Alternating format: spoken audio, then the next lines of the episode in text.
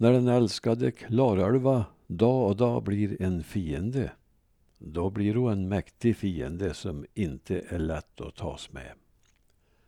Nya Värmlandstidningen den 5 juli 2013. Det finns olika uppfattningar om den globala uppvärmningen. För många är den ett obestridligt faktum medan andra protesterar och menar att vädrets växlingar är helt naturliga. I Karlstad litar man på Vår Herre och bygger nya bostäder alldeles intill vattnet. Vad som än håller på att hända får vi allt tätare rapporter om extremväder och naturkatastrofer i olika delar av världen. Nästan dagligen ser vi bilder i nyhetsprogrammen där hela byar står under vatten och hela bostadsområden spolas bort. På många håll förbereder man sig för det värsta. Inte bara långt bort i världen. I Höljes bygger Fortum nu ut utskovskapaciteten på den stora dammen. Detta för att kunna ta hand om det stora 10 000-årsflödet. Det flöde som fram till nyss helst sågs ligga betryggande 9999 år fram i tiden. Den gamla utskovsluckan i Höljesdammen kompletteras med en ny, ännu bredare, för att mer vatten ska kunna släppas ut om det visar sig nödvändigt. Dessutom förstärker man dammen med bättre erosionsskydd och ny energiomvandlare, alltså en bassäng som ska dämpa energin i vattenmassorna nedanför utskoven. Allt detta till en kostnad av cirka en halv miljard. På det viset anpassar man sig till det nya regelsystemet som i sin tur är anpassat till möjliga förändringar i klimatet. Nya beräkningar görs för att ytterligare höja säkerheten för folket vid Klarälven. Här tas modeller fram med datorns hjälp och på dessa kan man se vilka verkningar ett eventuellt dammbrott skulle få. Ett nationellt projekt med beräkningar för följderna av sådana omfattar också Höljesdammen och rapporten väntas bli presenterad nästa år. Skadeverkningarna finns nu kartlagda men rapporten ska kompletteras med beredskapsplanearbete innan den kan föreläggas allmänheten.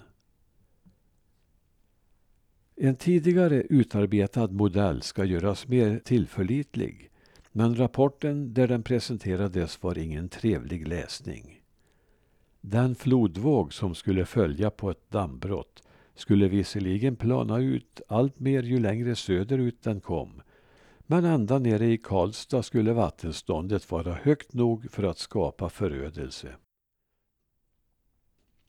I det absolut värsta scenariot skulle en jättelik flodvåg forsa fram genom dalen och sopa med sig det mesta i sin väg. Ju längre söderut man bor, desto större är förstås chanserna att hinna sätta sig i säkerhet. Efter tolv timmar skulle vågen ha nått Ekshärad och sex timmar senare skulle vattennivån där vara som högst, ungefär fyra meter över det normala. Till Karlstad skulle vågen komma efter 26 timmar och maxflödet efter cirka 58 timmar. Vattenståndet skulle då ha stigit en och en halv meter över medelhögvattenytan, alltså medelvärdet av de högsta årsvattenstånden. Allt detta är hämtat från den tidigare beräkningen, men enligt en icke-officiell uppgift kan de nya siffrorna visa sig något gynnsammare. Klarhet i detta får vi förhoppningsvis nästa år. Egentligen behövs varken dammbrott i Höljes eller 10 000 års flöde för att låglänta delar längs älven ska råka mycket illa ut vid ökade regnmängder. Vi är ännu många som minns översvämningen 1959 och som har hört de gamla berätta. Då skulle du ha varit med 1916. Medan Fortum arbetar efter en plan för att klara ett tiotusenårsflöde ser jag på en rapport från Karlstad att man garderar sig för 200-årsflöde. Finns andra planer? Vi som bor intill Klarälven vet att den kan vara mycket nyckfull och oberäknelig. Den meandrande skönheten kan vissa år förvandlas till en livsfarlig orm. De senaste somrarna har vattenståndet varit högre än vad som varit vanligt tidigare. Vårfloden tycks ha räckt sommaren ut. Är detta en trend? Ingen i Klarälvdalen skulle komma på idén att bygga sitt hus alldeles intill älven. I Ransby flyttade istället de gamla gårdarna upp sina hus till den högre liggande platån redan för ett hundratal år sedan. 1959 pågick dammbygget i Höljes när vårfloden slog till med full kraft. En snabb höjning av temperaturen i kombination med kraftig nederbörd över ett tjockt snötäcke gjorde att älvens vattenyta i Klarälvdalen på några dagar steg med fyra meter och dammen hotades. Uppståndelsen var stor och paniken låg på lur. Jag minns hur en lada kom flytande förbi Ransby och hur vattnet nådde in i många hus i grannbyarna. På sina håll var vägen avskuren.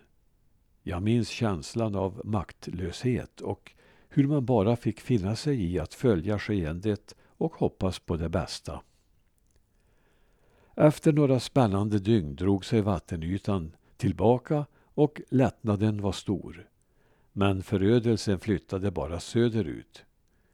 Tidningarna rapporterade om hur Klarälvens yta stigit med två och en halv meter i Karlstad och hur vattnet gick upp på en del gator. Värmlands museum låg som på en liten ö och var kringflutet av vatten. Ändå var det hela 35 centimeter kvar till 1916 års nivå. Och detta var innan någon hört orden global uppvärmning och klimatförändring. I Skåre gick vattnet in i många hus och dränkte den gamla landsvägen. Där fick man hjälp av militära roddbåtar för att ta sig fram. Dammen i Höljes är ett stabilt bygge som bara ska göras ännu säkrare för att klara dagens krav, säger folket på Fortum. Folket längs älven, ända ner till Karlstad, ska kunna känna sig trygga. Men att lova dammsäkerhet är en sak. Att påverka klimat, nederbörd och snösmältning kan inte ens Fortum göra. Som skydd mot högvattenflöden som 1916, 1959 och 1995 krävs ingripanden från ännu högre makter och bostäder som ligger på betryggande höjd över vattenytans nivå.